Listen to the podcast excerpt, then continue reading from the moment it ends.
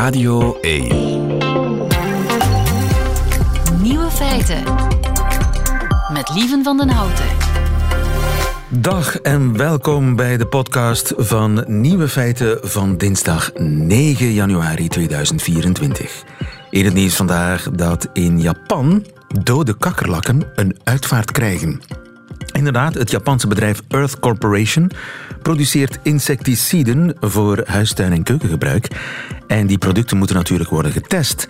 En daarom kweekt het bedrijf ieder jaar 1 miljoen kakkerlakken die uiteindelijk de dood vinden in het laboratorium. Maar het bedrijf wil dat offer niet als vanzelfsprekend beschouwen en dus organiseert het ieder jaar een staatsbegrafenis in een boeddhistische tempel. Bij een foto van de gesneuvelde dieren dankt een monnik de insecten voor hun offer. Japan, ik zal het nooit begrijpen. Maar goed, dit zijn de andere nieuwe feiten vandaag. In Engeland doet de politie een onderzoek naar een virtuele verkrachting. De arme Romeinen aten ook vlees. Rien Emery checkt of Bill Clinton inderdaad opduikt in een seksvideo van Jeffrey Epstein. En Yuri Kortens zoekt sneeuwspringers. De nieuwe feiten van Stoomboot die hoort u in zijn middagjournaal. Radio 1. Nieuwe feiten. De Britse politie die doet een onderzoek naar een virtuele verkrachting. Jeroen Baart, goedemiddag. Goedemiddag. Je bent computerwetenschapper en podcastmaker. Eh, weet jij hier meer over? Een virtuele verkrachting? Ja, het deed me direct denken aan een geval in 2018, denk ik, waarbij dat er ook een, een vrouw in Groot-Brittannië eh, naar de politie was gestapt omdat ze virtueel uh, betast was.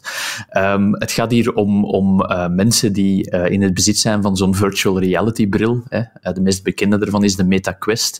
En dan kan je in verschillende online chatboxen of online werelden, wat vroeger wel eens de metaverse genoemd werd, maar er is geen één, één overheersende virtuele wereld waarin dat je kan, uh, kan vertoeven. Er zijn er verschillende. En ja, uh, er, er waar ik achter dat in sommige van die werelden uh, vrouwen, ja, virtueel, vrouwen en mannen, virtueel betast werden. Ja. En ja, dan is de vraag natuurlijk, hoe, hoe, hoe behandel je dat? Ja. ja, want in dit geval gaat het over een meisje jonger dan 16. Ja. Die zegt dat haar avatar, haar virtuele evenbeeld, ja. dat dat in die virtual reality wereld ja. seksueel werd aangevallen. En dat ze daar een trauma aan heeft overgehouden. Uh, maar die virtuele wereld. Dus je hebt zo'n bril op. En, want je moet het uitleggen ja. aan papi. Hè? Want papi heeft nog nooit zo'n bril, heeft nog nooit zo'n bril op. Je hebt zo'n bril op en je, je, je ziet eigenlijk alles vanuit het, het oogpunt van jouw digitale evenbeeld. Je avatar, zoals, uh, zoals je zegt. Dus en ja, het, het, het lijkt geval, alsof ik rondstap in New York of waar dan ook. Bijvoorbeeld, ja, absoluut. Um, en die dingen die zijn redelijk goed geworden. hoor. Um, die, die, die Quest-brillen bijvoorbeeld, die, je hebt een zeer grote resolutie per oog. Je hebt audio die naar het juiste oor gaat. Je handen worden getrackt, je bewegingen worden getrackt. Die dingen zijn, zijn, zijn best wel goed geworden, zijn zeer immersief geworden. En dus in dit geval gaat het over een meisje van 16. De details van het onderzoek zijn niet beschikbaar. Maar ja, traditioneel komt daar ook een soort van hoongelag op van ja, dat kan toch geen echte verkrachting zijn of geen echte betasting, want het, het is virtueel. Uh, er, ja. er, is geen lichamelijk contact. Uh, maar ik, ik moet erbij toch wel meteen zeggen dat, dat de immersiviteit van die, van die ervaring, dat die best wel indrukwekkend kan zijn. Iedereen die ooit al een VR-bril heeft opgezet en zo ja, de typische demo gedaan heeft van je loopt op een, op een hoog gebouw en je kijkt over de rand van het gebouw naar beneden, dat doet wel iets met Ja, je lichaam. Je doet je, je, je middenrif samentrekken, je begint een beetje te zweten, je wordt er ongemakkelijk van. Dus het is echt niet te onderschatten hoeveel die zintuigelijke indrukken kunnen doen met een mens. En in dat geval, ja, opnieuw, we kennen de details van, van, dit, uh, van, van dit, dit geval niet, maar ja, je moet het vergelijken met een gemene comment onder een social media post. Dat is ambetant en daar kan je even niet goed van zijn, maar iemand die die comment in je gezicht komt schreeuwen in een virtuele wereld en vlakbij je persoon komt, virtueel dan, ja, dat Ja. maakt wel indruk. En ik denk dat, dat in dat kader dat je dit ook moet zien. Ja, ja. Dus het kan echt lijken alsof dat meisje benaderd wordt door een... Want het gaat over een groep Ja. eh, jongens. Dat die echt, alsof, alsof het in het echt was, wordt eh, in het nauw gedreven, betast. Op de Ja. vloer. Kun je iemand op de vloer smijten? Wel, dat hangt er een beetje vanaf van het, van het platform waarop, waarop dat het gebeurt natuurlijk. Hè. Je hebt chatrooms waarbij dat iedereen zijn eigen dingen kan importeren. Je hebt eerder gemodereerde omgevingen, zoals Horizon Worlds van Facebook. Je hebt videogames, uh, Roblox bijvoorbeeld is in, in virtuele werelden nu ook. Dat hangt er allemaal vanaf, maar ik, ik denk niet dat je moet dit zien als een virtuele verkrachting, in de zin van er is een virtuele penetratie geweest met, met uh, laten we zeggen, een virtuele penis, weet ik veel wat allemaal. Dit gaat echt waarschijnlijk over intimidatie, Ja. om in groep ja, rond iemand gaan staan. En ja, dat, dat kan heel ja, uh, bedreigend overkomen. En, en Maar, is dat dan in het kader van een videospel? Of is dat in het kader van eh, een of ander eh, ja, platform waar mensen gewoon zitten te chatten en elkaar ontmoeten? Of hoe, hoe zit dat? Dat weten we niet. Ah ja, maar dat, dat zou het allebei kunnen. Het zou allebei kunnen. Je hebt verschillende soorten virtuele werelden ehm, waar dat je in kan vertoeven. En de een is al wat eh, gemodereerder dan de andere. Ja. Ja. Nu, eh, als ik in een videospelletje neergeknald word, kan ik die dader niet aanklagen wegens moord, toch? Nee, klopt, klopt. Ja.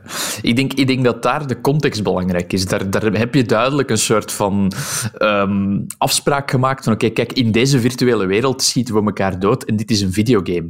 Ik veronderstel ook dat dit gebeurd is in een virtuele wereld waarin elkaar betasten en elkaar, eh laten we zeggen, seksueel intimideren niet de afspraak was. Dus ik denk dat daar wel een verschil te maken valt. Opnieuw, ik ben geen advocaat. eh, we zullen zien waar dit naartoe gaat, maar ik, ik kan me wel voorstellen dat dit een impact maakt en dat dat niet moet weggelachen worden als ja, zet dan gewoon de bril af of eh, het kan toch het kan nog niet, het, het is niet echt, dus het telt niet. Ja, je, je moet dit serieus nemen. De politie neemt dit ook serieus. Alleen is de vraag natuurlijk eh, juridisch hoe, hoe, of de wet daar een figuur voor heeft om dit eh, te beoordelen.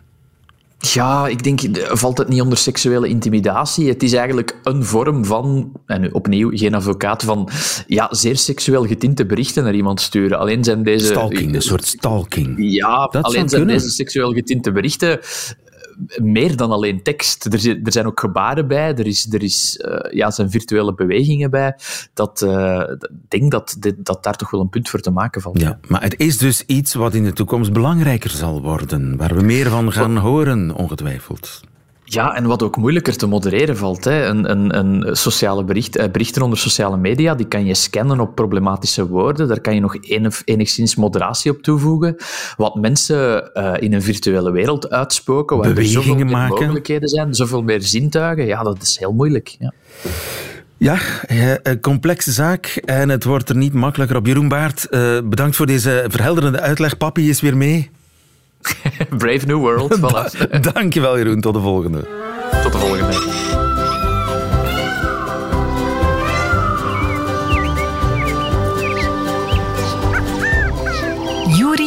Buiten.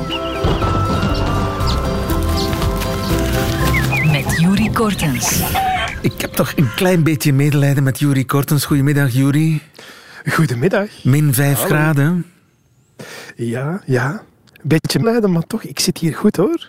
Het, de zon schijnt, hè? Dat De wel. zon schijnt, ja. Het is een heldere winterdag, de eerste heldere zonnige winterdag.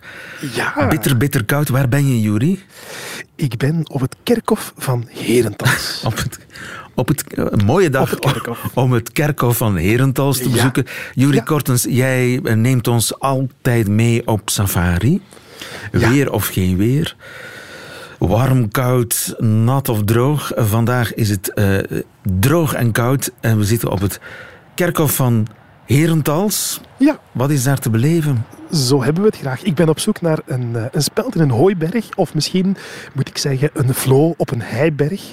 Eh, want ik ben op zoek naar een piepklein insectje dat winteractief is en dat de ronkende naam sneeuwspringer heeft gekregen. Je zit dit niet te verzinnen, hè? Nee, nee, natuurlijk niet. Dat, zou ik niet durven. Een, sne een, één, een sneeuwspringer is een Een insect. Ja, Twee, het insect eh, leeft bij min 5 graden. Ja, ja, het leeft bij min 5 graden. En ik moet nu wel zeggen, ik ga proberen te beschrijven waar ik zit. Ik zit een beetje op een zuidhellinkje. Eh, Het is hier een, eh, een, een heuvelrug. Dat is allemaal van die zavelgrond. Super arme grond. Een heuvelrug. Eh, de- heb je, heb je ja. die in Herentals heuvels? Ja, dat is de Kempische heuvelrug. En dat is, dat is een... De Kempische heuvelrug. De Kempische heuvelrug. er is er één.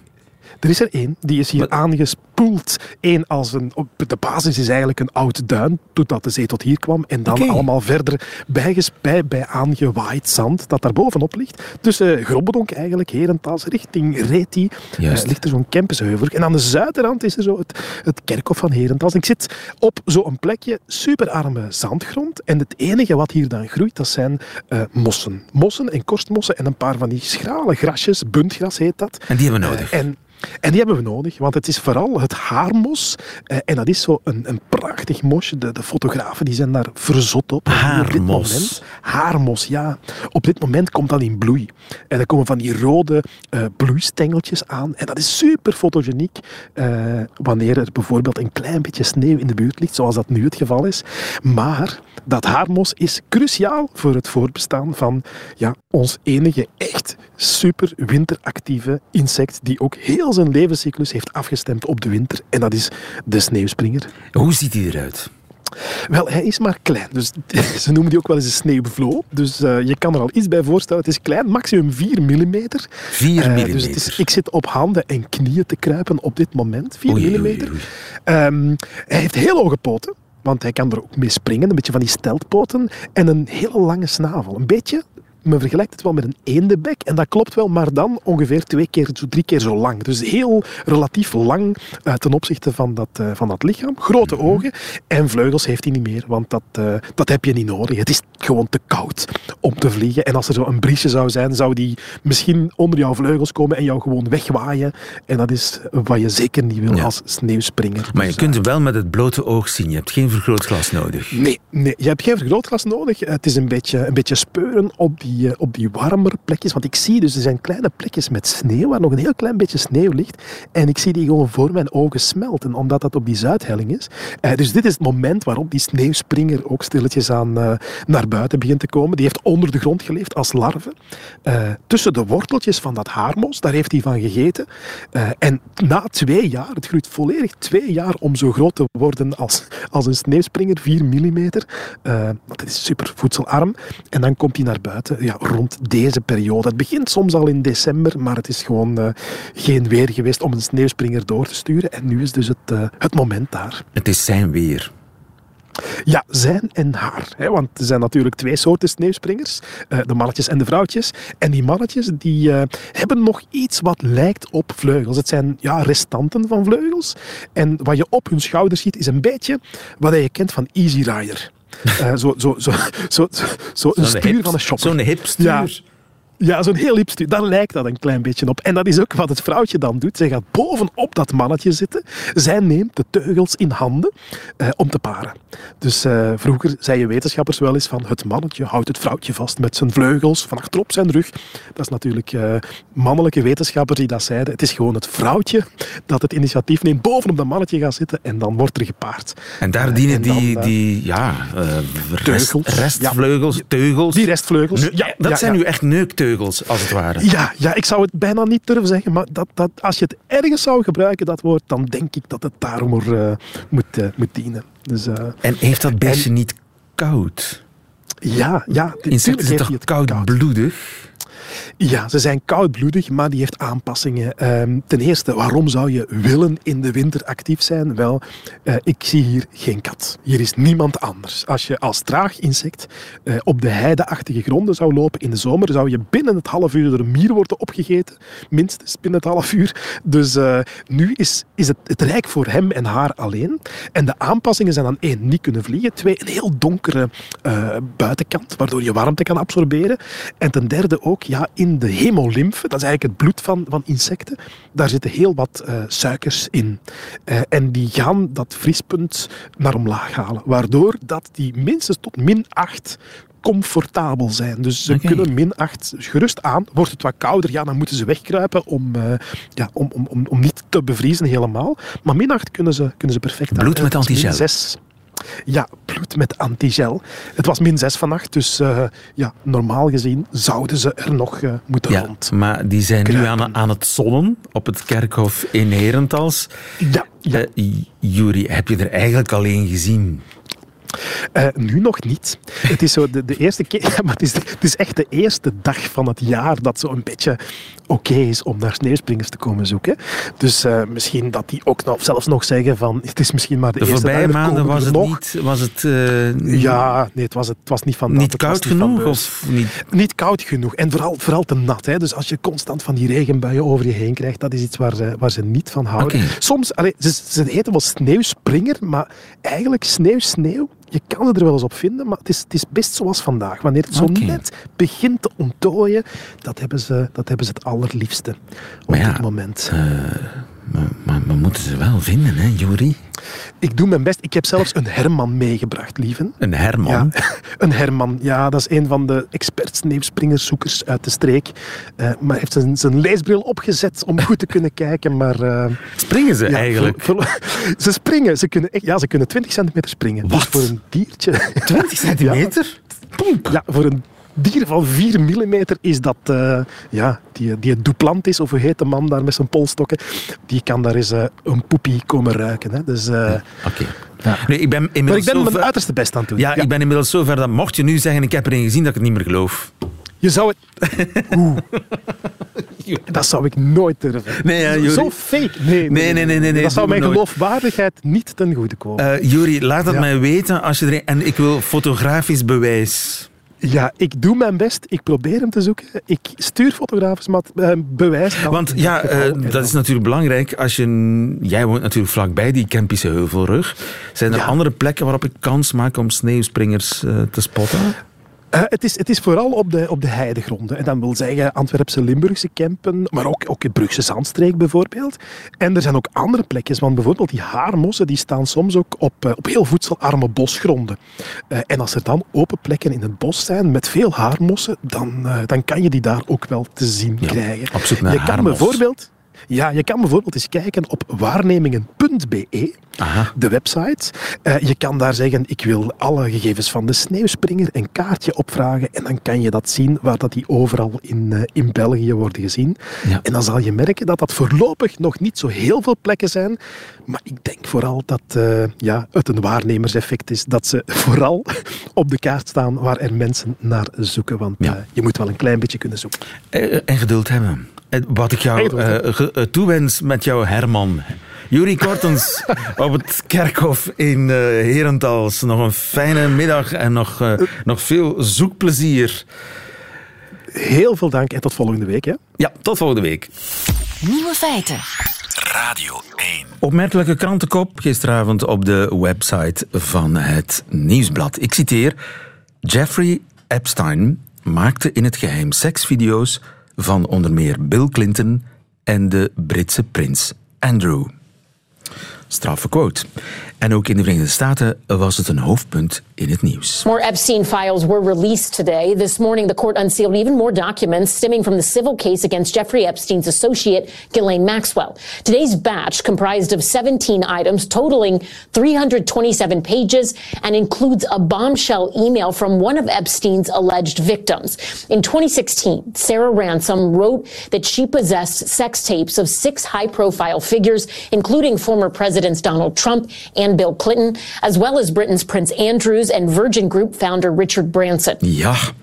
Uit een getuigenis van een slachtoffer van Epstein zou dus moeten blijken dat er ook seksvideo's bestaan van Donald Trump, Bill Clinton en Prins Andrew. Zou het?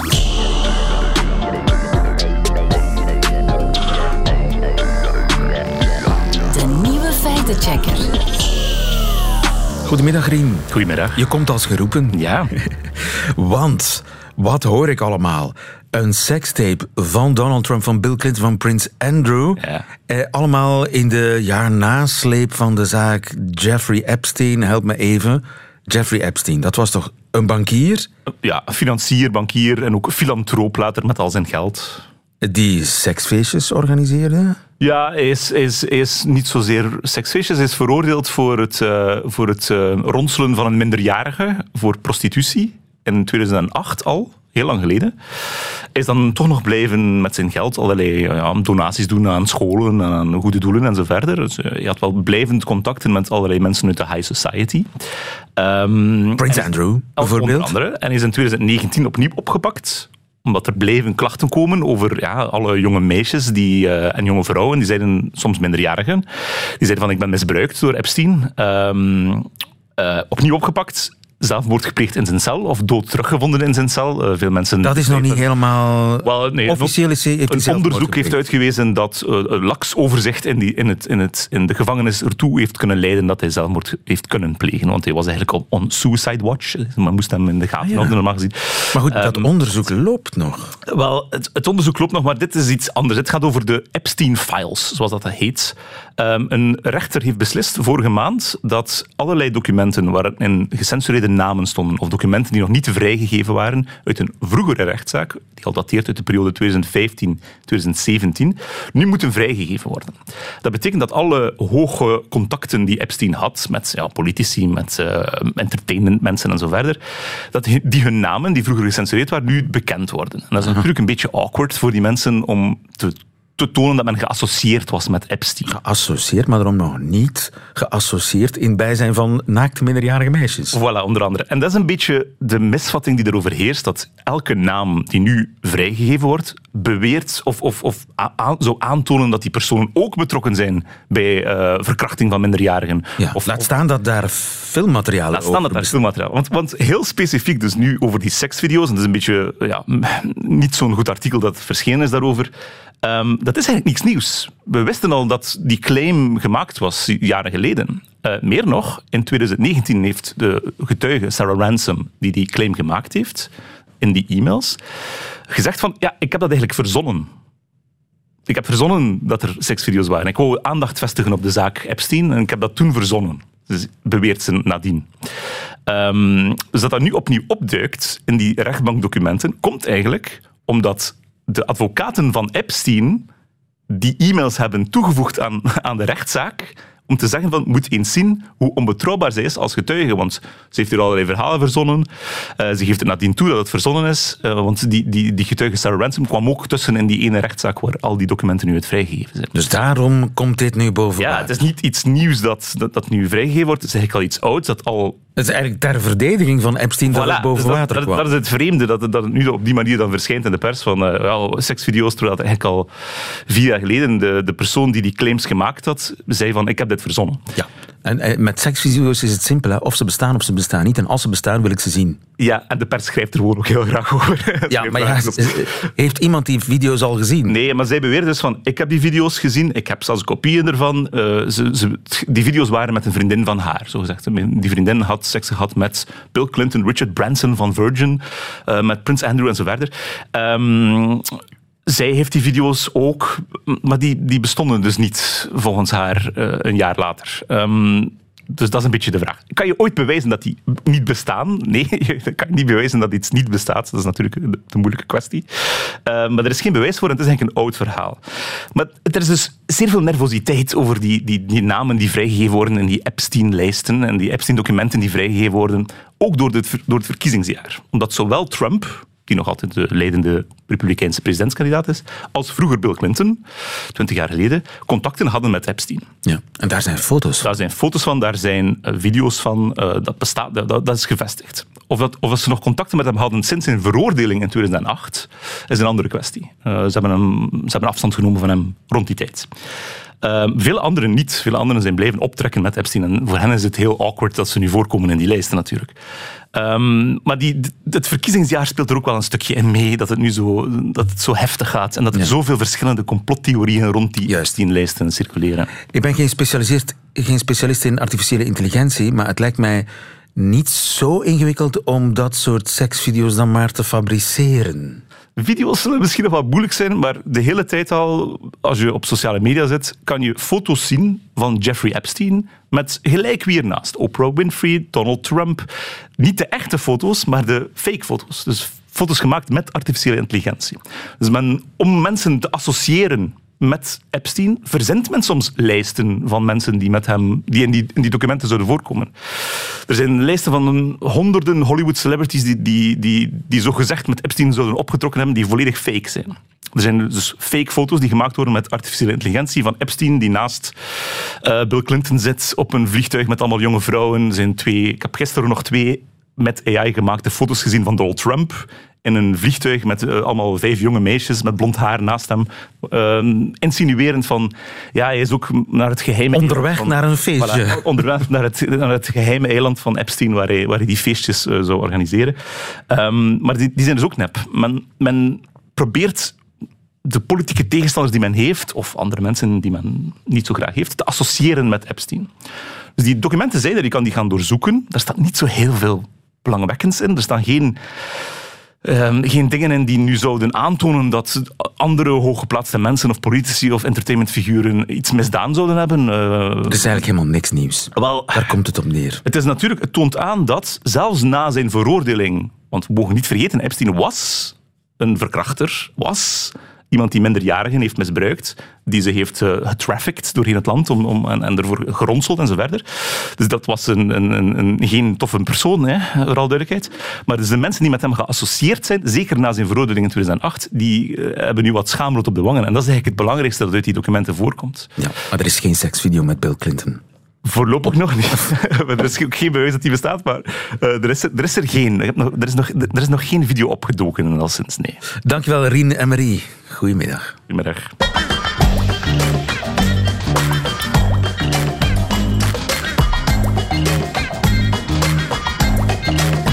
Nieuwe feiten. Wat lag er in het oude Rome op het bord van de armere mensen? Brood met olijven, je zou het denken. Wel, veel meer dan dat blijkt uit onderzoek van Guido Sala. Goedemiddag, Guido. Goedemiddag. Je bent onderzoeker aan de Wageningen Universiteit in Nederland. en je hebt meer bepaald onderzoek gedaan naar de voedselvoorziening in het oude Rome. Ja. Nu, uh, wat rijke mensen aten, daar is veel over geschreven, hè? Inderdaad, we hebben eh, in eh, de Romeinse literatuurbronnen wel veel beschrijving van de banketten van de elite. Maar die zijn vaak overdrijvingen van wat eigenlijk in de realiteit gebeurde. Oh ja? Die beschrijvingen, ja, die beschrijvingen zijn vaak, uh, hebben vaak politieke doelstellingen om bijvoorbeeld uh, de tegenstanders het zwart te maken. Of die worden geschreven door filosofen en die wilden juist de, het levensstijl van, van de elite bekritiseren. Ja, dus, want ik, ik heb inderdaad het beeld van somptueuze banketten. Ja. Waarbij dikke liggende Romeinen zichzelf vol proppen met, met, ja, met wat eigenlijk? Ja, vlees, neem ik aan. Heel veel vlees. Eh, in eh, die, die beschrijvingen van, van, van literatuur vinden we inderdaad eh, heel veel gangen met heel veel vlees en vis en heel geëlaboreerde saus met exotische ingrediënten en specerijen. Ja, maar dat is overdreven. Ja, dat is waarschijnlijk overdreven. We kunnen niet uitsluiten dat dit wel eens gebeurde. En het gebeurde zeker, maar dat was niet uh, de dagelijkse realiteiten van, uh, van de Romeinse elite. Oké. Okay. Hadden zij besef van gezonde voeding? Ze hadden zeker besef van, van gezonde voeding. En in literatuur in feite worden ook de, de, de oude eetgewoonten van, van, van hun voorvaders veel beschreven. En die, die, die, die waren juist sober. En die worden gewoon gepresenteerd door de, de schrijvers als een voorbeeld van uh, een gezonde eetpatroon. Oké. Nu, dat zijn allemaal de rijkere Romeinen. Moesten de armere Romeinen zich met brood met olijven tevreden stellen? Uh, misschien, uh, zeker de, de, de allerarmste van, van, van de Romeinse samenleving, maar dat was de, ook niet de, het geval voor alle inwoners van de stad Rome of van andere grote steden. Uh, in feite, ook in de oudheid, uh, mensen gingen in grote steden uh, wonen in de veronderstelling dat hun levensstijl beter zou worden ten opzichte van het platteland. En we weten dat mensen op het platteland een redelijk compleet gevarieerde dieet hadden. Dus het zou echt raar zijn als mensen van het platteland naar de stad gingen wonen en dan hun dieet juist slechter werden. Maar hadden zij dan ook uh, vlees en vis en groenten?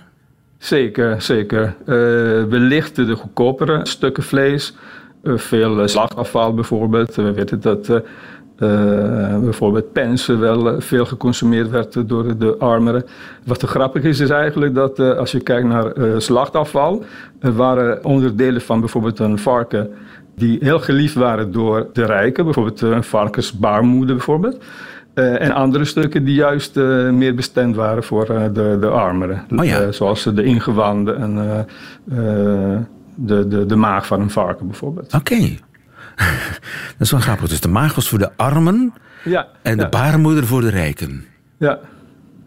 Bizar. En soms baarmoeder met, ook met, met, met nog kleine varkentjes daarin. Die werd zo voor, bereid voor, voor ingewikkelde gerechten. Smakelijk. Oké, nu uh, dat voedsel dat moest allemaal geproduceerd worden. Ja, en aan het begin uh, van, van de Romeinse uh, beschaving dan kon alles van, van de omgeving van, van Rome komen. Maar naarmate de stad groter werd, dan werd bijvoorbeeld veel graan vanuit kolonies in, in feite geïmporteerd. bijvoorbeeld graan werd uh, geïnd als uh, belasting in, uh, in Egypte en in andere delen van, van het noorden van Afrika of in Spanje. En die werd per schip naar, naar Rome gebracht. Ja. En een deel daarvan werd gewoon ook gratis uitgedeeld aan de bevolking. Uh, maar alleen een klein deel van, uh, van het volk kreeg gewoon gratis uh, voedseluitdelingen. Oké, okay, dus dat was Ongeveer eigenlijk een. 10, 20 procent. Ja, maar dat was dan eigenlijk een, een ja, modern aandoende voedselketen. Ja, zeker. zeker. Dat was een ingewikkelde voedselketen. En in feite, de motivatie van mijn onderzoek was juist mijn verwonderen voor het feit dat een stad met een 1 miljoen inwoners 2000 jaar geleden zonder koeling, zonder koelkasten, zonder ingewikkelde uh, transporttechnieken eigenlijk bevoorraad kon worden. En uh, nou, uh, het was inderdaad een ingewikkelde organisatie. Ja, ja. En de recepten, kwamen die ook van over de, het hele Middellandse zeegebied? De recepten voor de, de, de, de, de rijkeren, voor de, voor de elite, kwamen inderdaad vanuit verschillende streken van het, van het Rijk. En uh, nadat uh, bijvoorbeeld uh, Griekenland deel werd van, van het Romeinse Rijk, van het Romeinse territorium, laten we zeggen, dan werden ook steeds meer ingewikkelde gerechten vanuit de, de Griekse culinaire traditie ook, ook in Rome bereid en, en geconsumeerd. Ja. En in feite zie je een trend. De Grieken hebben bepaalde gerechten en eetgewoonten van, de, van Perzië overgenomen en dan de Romeinen van de Grieken. Ja, allemaal 2000 jaar geleden. Hè? Ja. Het uh, doet heel hedendaags aan, maar het was uh, in, uh, voor Christus al het geval in het oude Rome. Guido Sala, mag ik je hartelijk feliciteren, want je bent gepromoveerd op dit onderzoek. Ja, dat klopt. En nog een fijne Mijn dag. tweede promotie. Dankjewel. Oh, fantastisch. Gefeliciteerd. Dankjewel en nog een fijne dag. Hetzelfde, bedankt. Dag.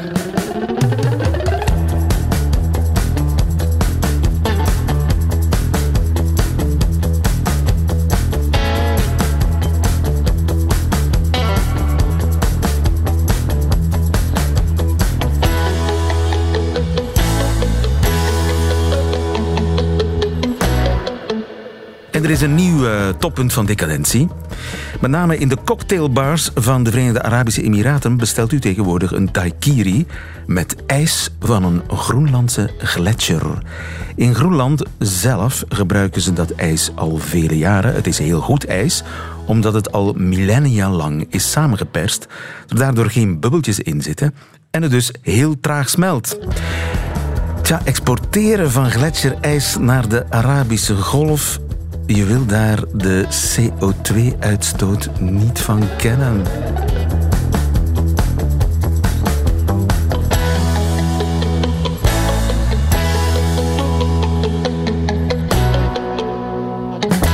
Heel speciaal middagjournaal deze week, want het is muzikaal.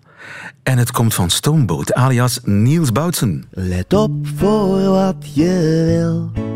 En voor de auto van ik Bill.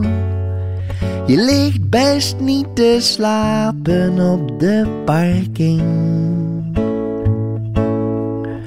Komme heeft gebeld. En ik de les gespeld. Zat zijn is oké, maar enkel voor racisme.